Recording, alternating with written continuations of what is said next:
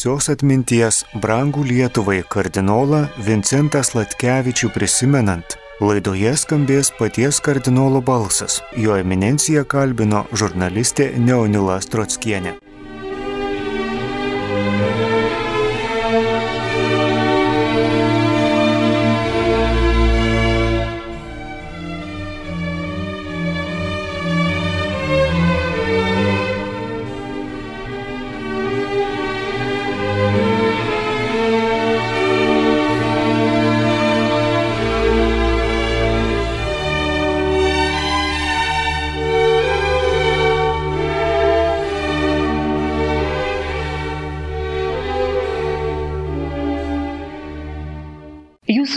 Jūsų eminencija, argi ne vaikai mūsų minčių, gyvenimo būdo, lūkesčių atšvaitai? Su tuo aš mielai sutinku, kad vaikai yra mūsų tautos ir mūsų ateities ne tik atšvaitas, bet ir garantas. Kol jie maži, mes atkreipiam į juos tam tikrą dėmesį, jais džiaugiamės, bet mūsų džiaugsmas po truputį pradeda nublūkti, nublanksta mes pradedam per mažai jiems skirti dėmesio ir galvojam, kad jie yra tik našta, tik mūsų rūpesis.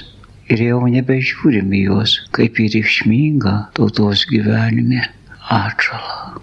O galbūt mes tiesiog pavargstame nuo tų vargų, nuo tų problemų, nuo to nedatikliaus. Galbūt ir pavargstame šiek tiek, bet tėvai, geri tėvai niekada nepavargsta jiems vargas vaikų atžvilgių yra džiaugsmas, suraminimas, įprasminimas jų vargo ir darbų. Sakyčiau, nelaimė ne tame, kad vargsta, nelaimė tame, kad mes atkreipiame dėmesį ne į vaikus, bet į suaugusius labiau ir galvojam, kad tik iš ten gali ateiti mums ir tautos ir palaima, ir, ir džiaugsmas, nu, sakyčiau, ir pažanga įvairiopa. Ir, ir tautos atgimimas, o iš tiesų ar atgimimai, ar sąjūdžiai be vaikų neteis į tautos gyvenimą. Jie įsigims. Man visada prisimena išrinktosios tautos istoriją ir Kristaus istoriją ir jo kančios istoriją. Žinome, kaip verbų sekmadienį Kristus įžengdamas iškilmingų būdų Jeruzalę buvo sutiktas vaikučių. Jų šauksmo, Osana uždypėse jų džiaugsmas skambėjo visuose gatvėse. O tuo tarpu suaugusieji jau spendė pinklės. Išganytojai tarėsi, kaip su juo pasielgti. Dabar nepaslaptis, kad padaugėjo labai daug nedarnių šeimų, atitolsta nuo mūsų meilė. Kas tai? Ar tai mūsų egoizmas, negalvoti apie savo atžalas, jeigu yra nesantaika namuose, tai visa tai į save sugeria vaikai. Taip, vaikai sugeria viską. Iš namų viskas išeina. Iš namų išeina visi spinduliai ir gėrio, ir kartu sutika blogio purvas iš namų į vaikų širdis. Ir mes suaugę turėtum jausti atsakomybę už vaikus, už jų ateitį. Ir žiūrėti, ką mes darom, ką kalbam, kaip elgiamės. Jeigu norim išauginti gerą ir dorą tautą. Atsikreipkime visą širdimi vaikus ir juos auklikime. Jiem rodykime meilės. Net ir tada, kada reikia juos pabarti, įspėti, Bet ir tada mūsų ir pabarimuose, ir įspėjimuose neturi stikti meilės. Vaikai pajunta, ar juos baudžia su meile, ar su nepykanta, arba net noru sunaikinti tą vaiką jūsų eminencija, kas gali būti turbūt baisiau už dvasinį šaltį? Ką daryti, kad žmogus nenutoltų nuo žmogaus, motina nuo dukros, tėvas nuo sūnaus? Visose šeimose, aišku, ne visada viskas tik rožėmis klota. Ir jų tarpusio santykiuose būna ir džiaugsmo ten, kartu ir nesusipratimų. Tarptų nesusipratimų visada pasijunta ir erškėčių spigliai, atrodo, kad būrė viens kitą ir jau nebegali pakesti toje aplinkoje toliau gyventi. Bet reikia mokėti palaukti, reikia kantrybės turėti ir viskas susitvarko. Neskubėti daryti išvadas. Aš žinau vieną pavyzdį, labai man palikusi didelį įspūdį. Aš turėjau laimės ar kiti skaito bausmės apsigyventi Nemonėlio Radviliškį tremtyje. Ir ten gyvendamas sutikau vieną šeimą. Gyveno du seneliai. Senelis, buvęs reformatas, senutė katalikė Gerėjusi, kad tas reformatas niekada apie savo žmonelę blogai nesiliepdavo. O senutė, kas sekmadienį matydavo bažnyčiui. Bet pasakojo, kad praeitie buvo nesusipratimo. Net būta tokių atvejų, kad kaimynai siūlė jai mesk jį ir negyvenk kartu. Jie susilaukė vaikų, vaikai užaugo, dabar jie gyveno jau kažkokia tingoje, kitoje vietoje. Aš visą laiką jums patardavau, mokėkime laukti, neskubėkim. Ir tas laukimas pavirto gražiausią palaimą senatvėje taip gražiai vėl susiderino ta šeima. Senukas išleisdavo senutę, nors reformatas į katalikų bažnyčią. Ir net paragindavo jai ir primindavo, kad jau laikas eiti. Taigi. Ir žiemos metu nuostabiausia tai ten gyjo 3 km nuvažiuoti e, keliavinę mašiną O paskui nuo, nuo keliminės mašinos stotelės maždaug kilometrą pėsčiam. Ir tas senukas, grįžtančiai iš bažnyčios senutį savo žmoneliai, nukasdavo taką iki namų, sniegą nukasdavo. Kiekvieną kartą. nukasti taką. Ar mokamės nukasti taką vieni kitiems? Kartais atrodo, kad tam takui reikia tiek nedaug. Tiek Tarkim, nedaug. vakare prieit prie sunaus arba dukros, paglostyti galvą, paklausti, paskaityti pasaką. Ir svarbiausia, tai neskubėti pasmerkti žmogų. Neskubėkime, yra žmogui galimybė visada pasitaisyti ir būti geresniu. Skubėdami mes jau pastumėm, o pastumdami mes galim matyti, pamatyti, kad jis ir pargriūna, parkrenta ir jau pasikelti nepasiekia, nepaikia. Neskubėkime ir stumdyti vieni kitų. Jūsų eminencija Žinau, kad jūs turite savo pamėgtą ir puoselėjamą vaikų chorą. Kuris ramina ir jūsų sielą. Kauno pirmos muzikos mokyklos chorui vadovauja mokytoja metodininkė Janė Kraujelienė. Šventinėme koncerte miesto filharmonijoje Lietuvos kariuomenės kapelionas Alfonsas Bulota perskaitė jūsų sveikinimo žodžius ir patikėkit, kad didesnės šventės turbūt negalėjo būti. Nu, aš ten tuose žodžiuose išreiškiau tai, ką jutau ir pergyvenau savo širdyje. Štai pas tai nesu nei, nei rašytojas, nei, nei koks kuriejas ypatingas, bet ką, ką pergyvenau, tai išreiškiu. Net ir kai Dievo žodis skelbiu, aš niekada nesakau Dievo ra, iš rašto. Ką širdį pergyvenu, išsakau. Taigi, ir ten mano buvo išsakytas širdie žodis, kad taigi, kas, kas jaučiu to šventės atžvilgių ir tų vaikučių ir jų auklėtojų. Aš buvau labai sužavėtas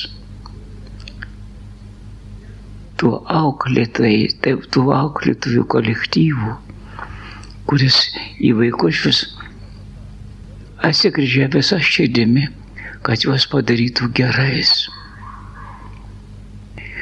Vaikučiai jiems nebuvo ir nebėra tik tai,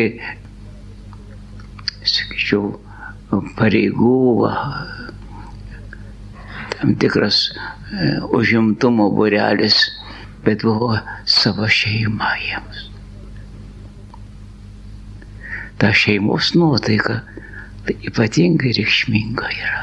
Kokios tos akimirkos bendraujant su sakralinukais jums ir dabar tokios labai šiltos, šildančios ir brangios? Visos akimirkos bendraujant su tais vaikučiais man buvo labai brangios, mielos. Jį buvo Dievo dovana man pačiam daugiau negu jiems. Aš jiem ką duos labai daug, aš nepaėgiu, bet jie man labai daug duoda. Aš pasijuntu į tarpę, tarsi tarp pakilęs aukštyn, tarp dangaus angelų. Ten angeliškos širdis dar piktos, nelinkinčios, nenorinčios, tik gėrio ieškančios, ne visada randančios, bet visada gėrio užtroškusios. Tik reikia jiems suteikti galimybę, kad jie tą gėrį gautų. Jūsų eminencija, aš tiesiog žaviuosi jūsų mintimi susitikti su vaikų gėdančių sakralinėme chore tėveliais. Jūs norėjote tiesiog į juos pažvelgti, kažką svarbaus jiems pasakyti. Aš esu įsitikinęs, kad ne tik tėveliai yra auklėtojai, vaikų ir, ir maitintojai, bet Vaikučiai taip pat yra auklėtojai tėvelių. Ir nesunku pasakyti, kas daugiau duoda. Ar tėveliai vaikams, ar vaikai, vaikai tėveliams. Jeigu tarpusavai jų santykiai yra tikrai šeimos santykiai, tarpusavio meilės ir gerumo. Vaikai lenktyniauja su tėvais gerumu. Kai tik pradedam viens kitam tą gerumą rodyti ir gerumo džiaugsmą teikti. Daug reikia, kad mes vieni kitiems džiaugsmo suteiktume. Toje šeimoje, kurias užgimiau ir augau, nebuvo daug dalykų medžiaginių, kurie teiktų džiaugsmą. Po tėvelio mirties aš buvau dar vaikas, septynių metų. Mes buvom penki vaikai. Nelengvas gyvenimas buvo. Pristikdavom ir duonas. Bet viską papildydavo mamytės gerumas. Kokius stebuklus daro gerumas motinos. Aš savo mamytės pavyzdį pajutau ir mačiau. Aš iš jos neišgirdau niekada pikto žodžio. Bet ji niekada pikto žodžio nepasakė ne tik ant manęs, ne ant vieno žmogaus. Įvairiausių žmonių ateidavo. Ir ne, ne vienam žmogui ji nepasakė pikto žodžio. Nebuvo iškalbė, bet visiems buvo su gerumo šypsniu su meile, su gerumo žvilgsniu. Ir jeigu ką reikėdavo ir ką galėdavo, į visuomet padėdavo.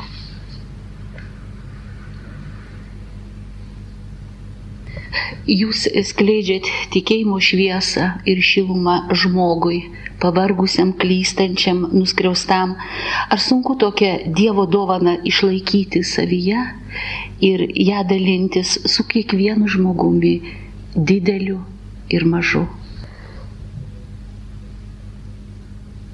Gal tas žodis sunku ir nelabai visai tinka. Tikro sunkumo nebūna niekada. Gal tik dažnai suabejoji, ar šiuo atveju bus naudinga ir gera, ar padės ar nepadės, ar atneš džiaugsmo, o gal padės žmogui dar toliau slysti, jeigu pataikausi jam ar panašiai. Čia gali būti abejonių tokių. Bet bendrai ir tiesa, ir gerumas, ir meilė neapgauna. Galutinai įsipildo žodžiai Dievą mylintiems viskas išeina į gerą. Viskas į gerą. Nėra, jeigu sakom viskas, reiškia visi dalykai gali išeiti gerą. Ir sunkus atrodo dorumas, žmogaus garbė, dvasingumas tai šimtmečiais patikrintos tiesos. O kartais mes su jomis prasilenkiame ir tai labai skaudu, kada tai mato vaikas, augantis šalia mūsų. Jis pradeda prarasti tikėjimą žmogumi, tai su kuriais gyvena ir net pačiomis vertybėmis nustoja tikėti. Ar jos iš viso kaip tokios tikros egzistuoja ar ne? Ar jos nėra apgaulingos? Ir va, sugražinti reikia pasitikėjimą tikromis vertybėmis.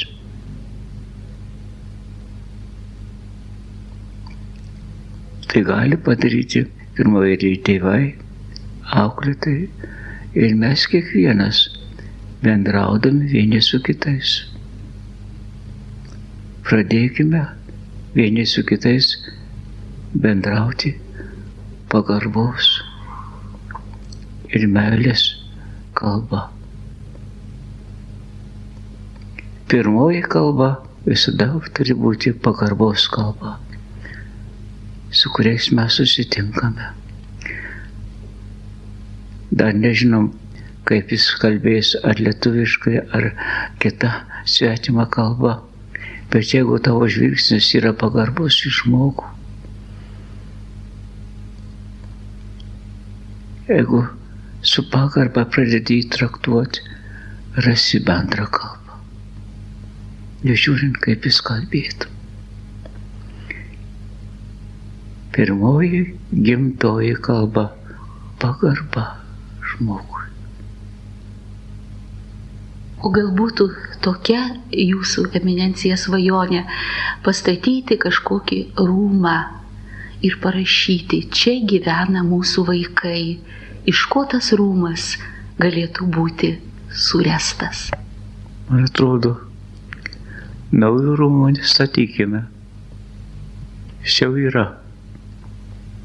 Tas rūmas jo paties Dievo malonė ir Dievo galestingumo mums paliktas. Dešimt Dievo įsakymų yra tas rūmas, kuriame apsigyvenę mes pasijusime ir saugus, ir laimingi, ir viens kitam broliai ir seserys. Tik nuoširdžiai laikykimės dešimties Dievo įsakymų. Nepadarykime skylių tuose įsakymuose. Į kiekvieną Dievo įsakymą žiūrėkime, kaip yra labai reikšminga, svarbu ir būtinai reikalinga, nei vieno išimdami. Nepadarykime skilėto namo. Šitą Dievo įsakymą aš priimsiu, laikysiu jis man patogus. Jeigu aš turiu daug turtų, man patogus įsakymas nevok, kad mane nevoktų. Bet jeigu įsigijai turtą ne, nelegalių būdų, tau nėra mielas Dievo įsakymas ir nemelok, ir nevok. Ir padarė skylės tuose Dievo įsakymuose. Ir jau tas mūras sugriūva, ten pučia vėjai atšiaurus ir nieks nenorės tuose namuose gyventi. Visus Dievo įsakymus išlaikykime ir turėsime rūmą ir saugų, ir jaukų, ir gražų.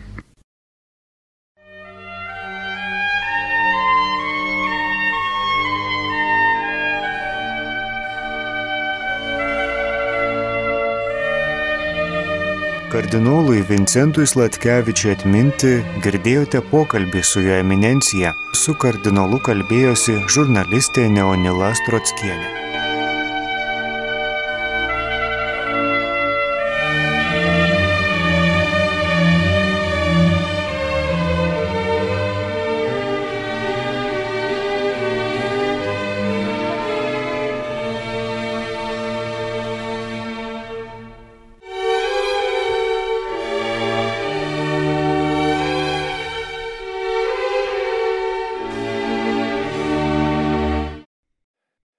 Kviečiame pasiklausyti kardinolo Sigito Tamkevičiaus kalbos Tuskulėnų rimties parko memorialinėme komplekse, kur buvo surinkta konferencija kardinolo Vincento Slatkevičiaus šimtosioms gimimo metinėms paminėti.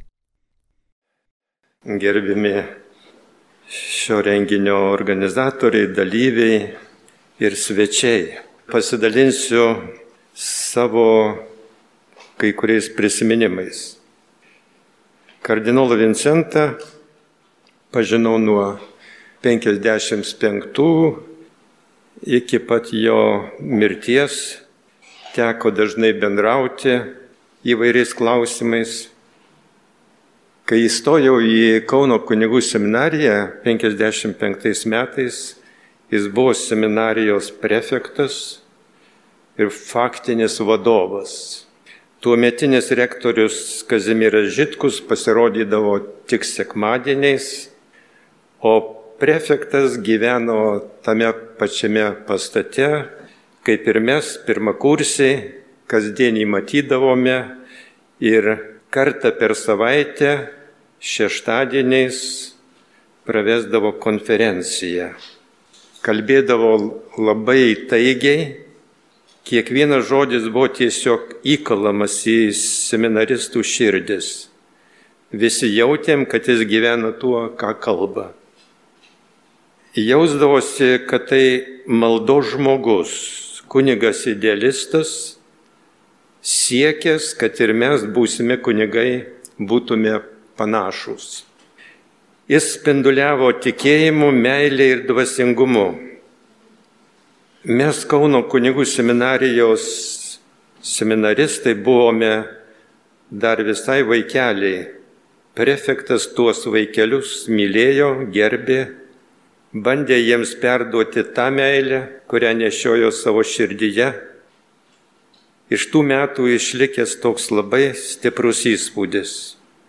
Net ir vėliau retai sutikdavau kunigų ar rekolekcijų vedėjų, kurie būtų taip įtaigiai kalbėję, kaip kalbėdavo anometinis prefektas kunigas Vincentas.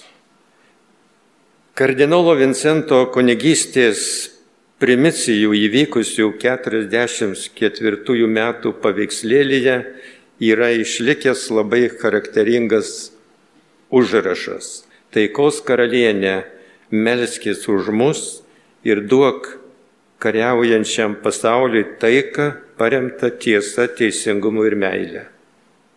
Niekada kunigas Vincentas, vėliau vyskupas ir kardinolas nebus kariaujančiųjų pusėje, bet visuomet laimins tuos, kurie neša santarvį ir taiką. Antras artimas bendravimas vyko 57 metais.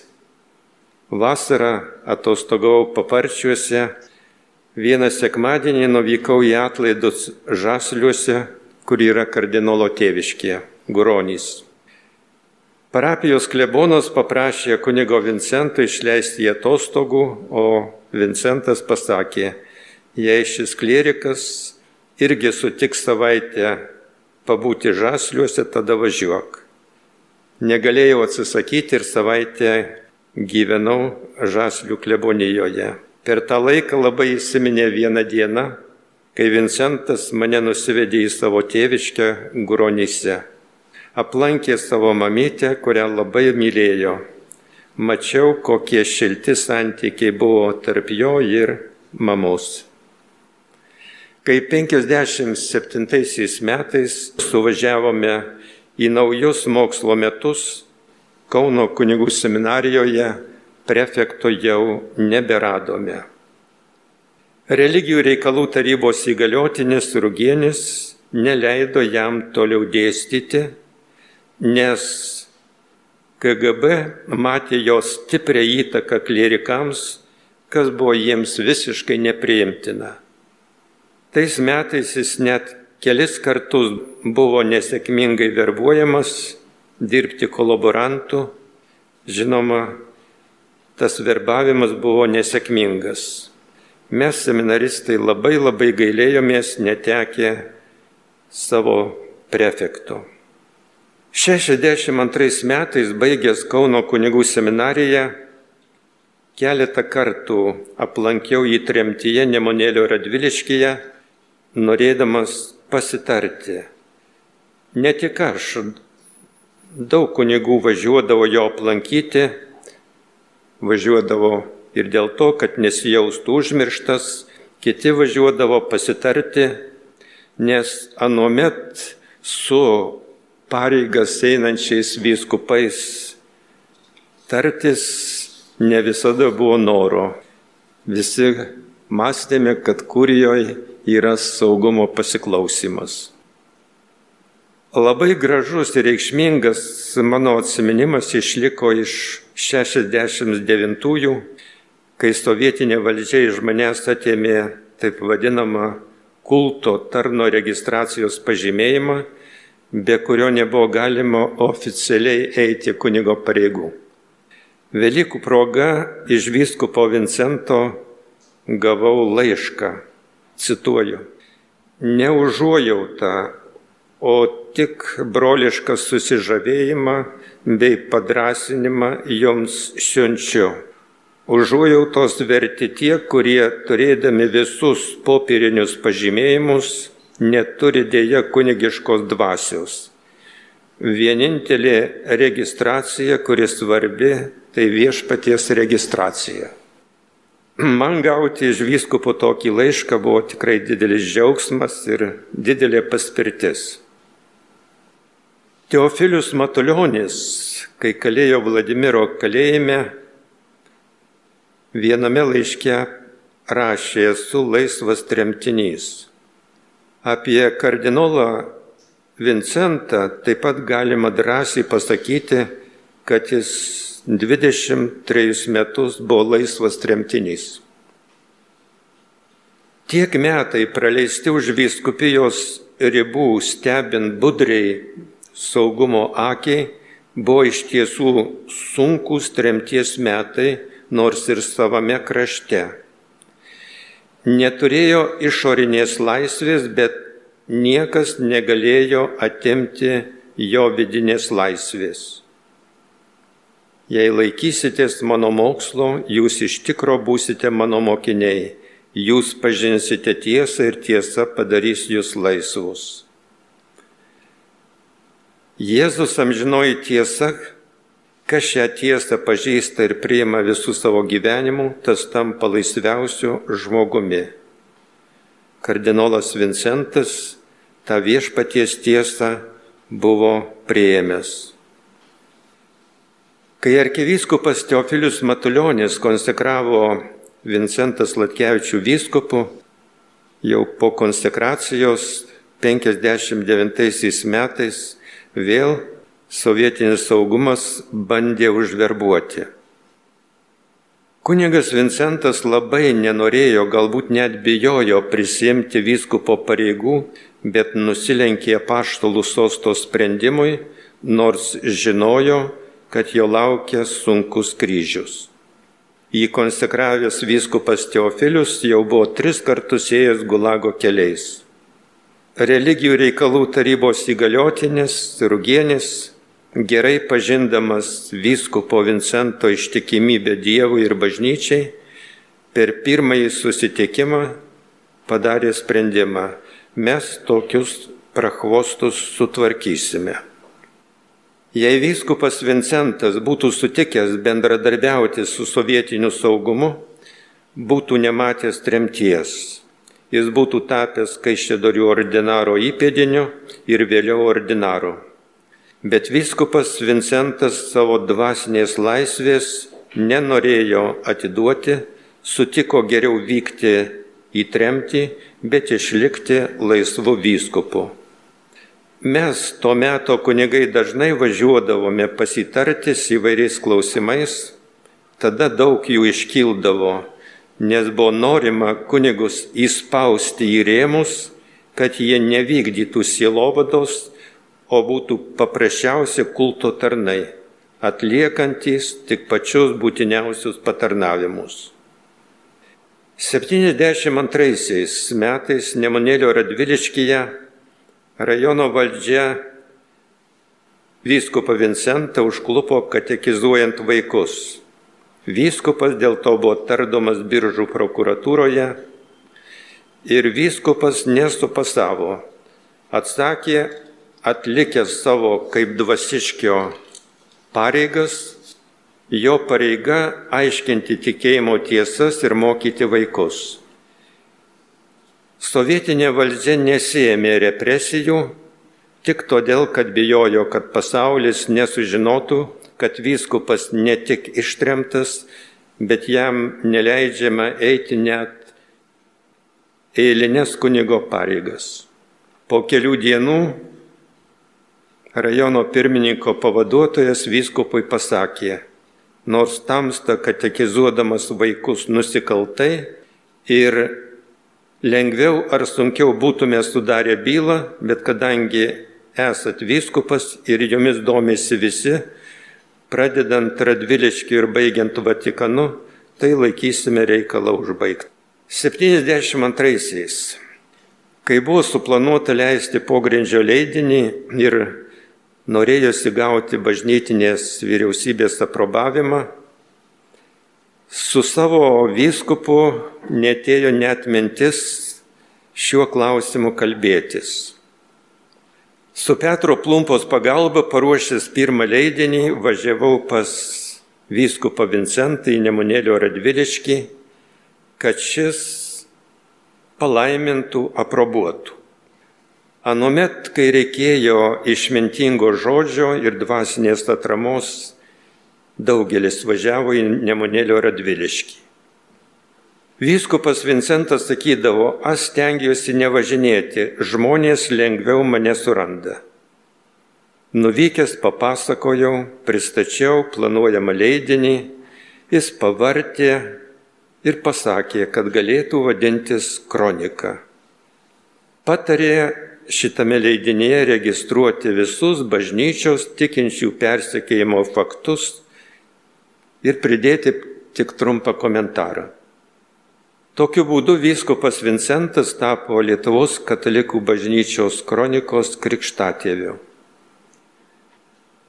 Pridėjome tik keli žodžius, kad tai Lietuvos katalikų bažnyčios kronika. Leidžiant kroniką nebuvo minties dažnai važinėti pas vyskupą Vincentą tartis, nes visą laiką maščiau, kad esu sekamas, norėjau, kad sovietinis saugumas kuo mažiau matytų mano kontaktų. Buvo aišku, svarbu nenusikalsti tiesai, o bažnytinė vyriausybė probuoja tai, ką viešpats leidžia. Tuometinė sovietinė valdžia, norėdama sušvelninti vakarų propagandą dėl tikėjimo persekėjimo Lietuvoje, nutarė vyskupui Vincentui pagaliau leisti eiti vyskupo pareigas Kaišėdorių vyskupijoje. Tai atsitiko 82 rūpiučio 8 sekmadienį. Kaišėdorių katedroje buvo didelė iškilmė ir vyskupas Vincentas įžengė į vyskupo sostą.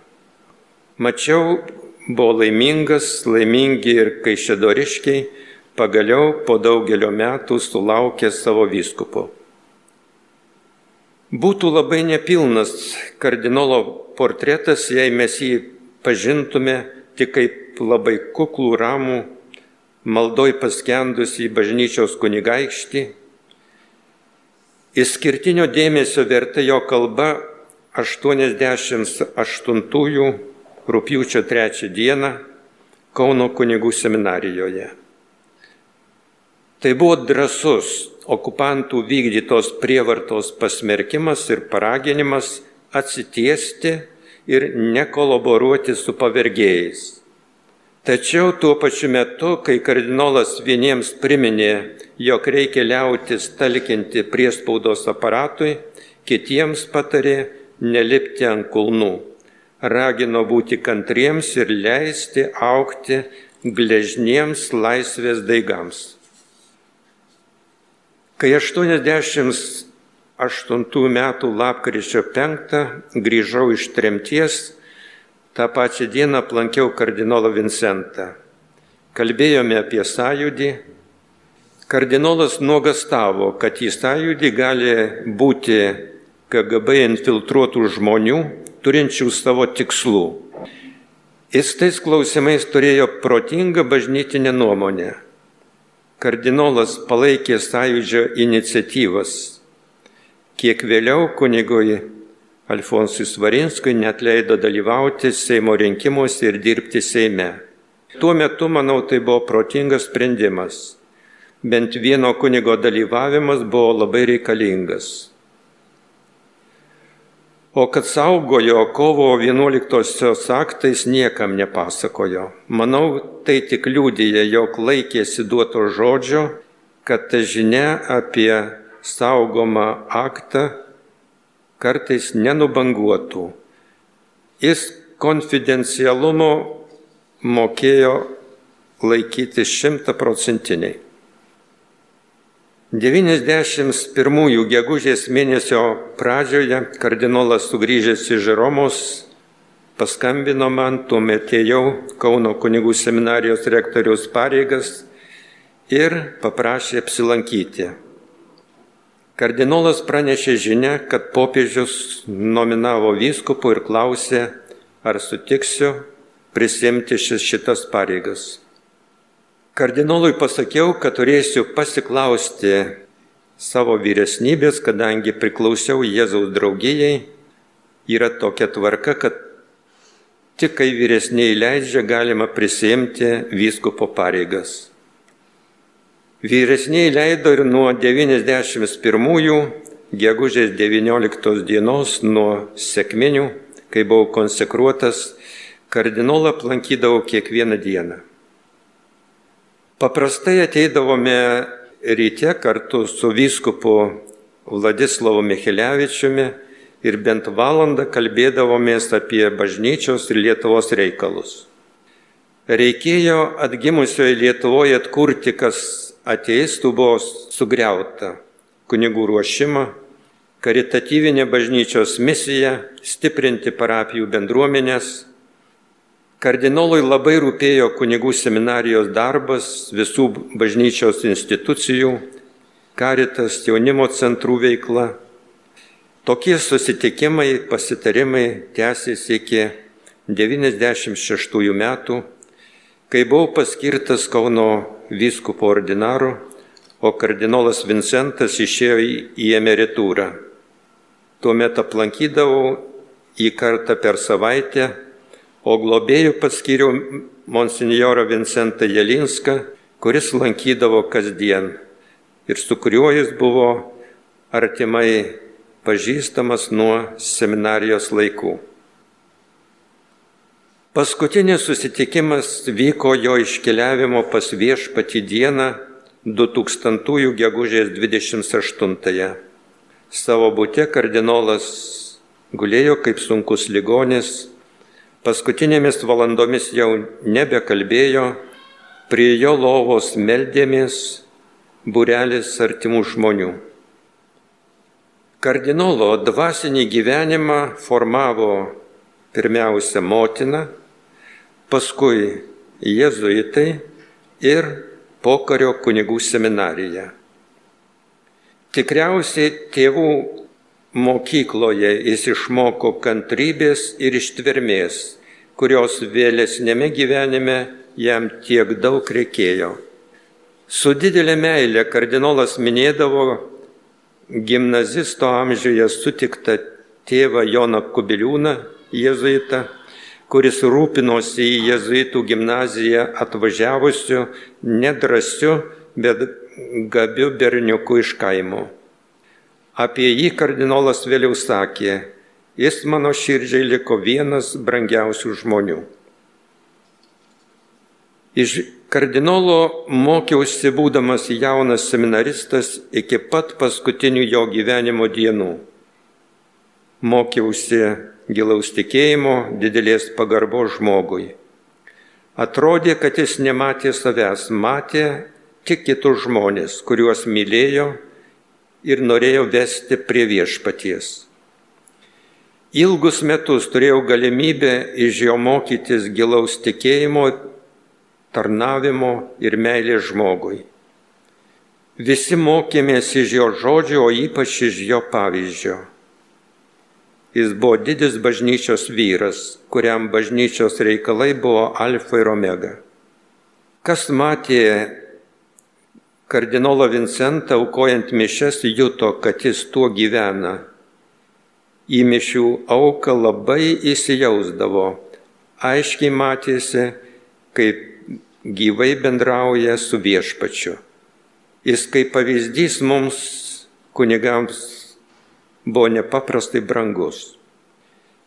Kardinolas gyveno labai kukliai, patyrė daug persekiojimų, tačiau nelaikė širdėje jokio pykčio.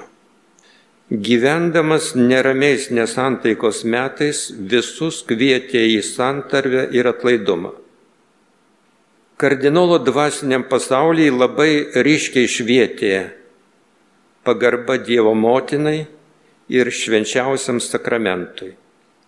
Jis uoliai kiekvieną mėnesį aplankydavo Šilavos stebuklingąją Dievo motiną ir po mirties, manau, jis mus kviečia į Šilovą, kviečia pasitikėti Jėzaus širdies gailestingąją meilę tikrai nesiūlo pasitikėti tik savo išmintimi ir sugebėjimais. Pasipūtusieji jam visada keldavo alergiją. kardinolas Vincentas išliks gilaus tikėjimo, meilės žmogui pavyzdys. Jis mokė būti laisvais, kovoti už laisvę, nepaisant bet kokių grėsmių. Ačiū uždėmesi.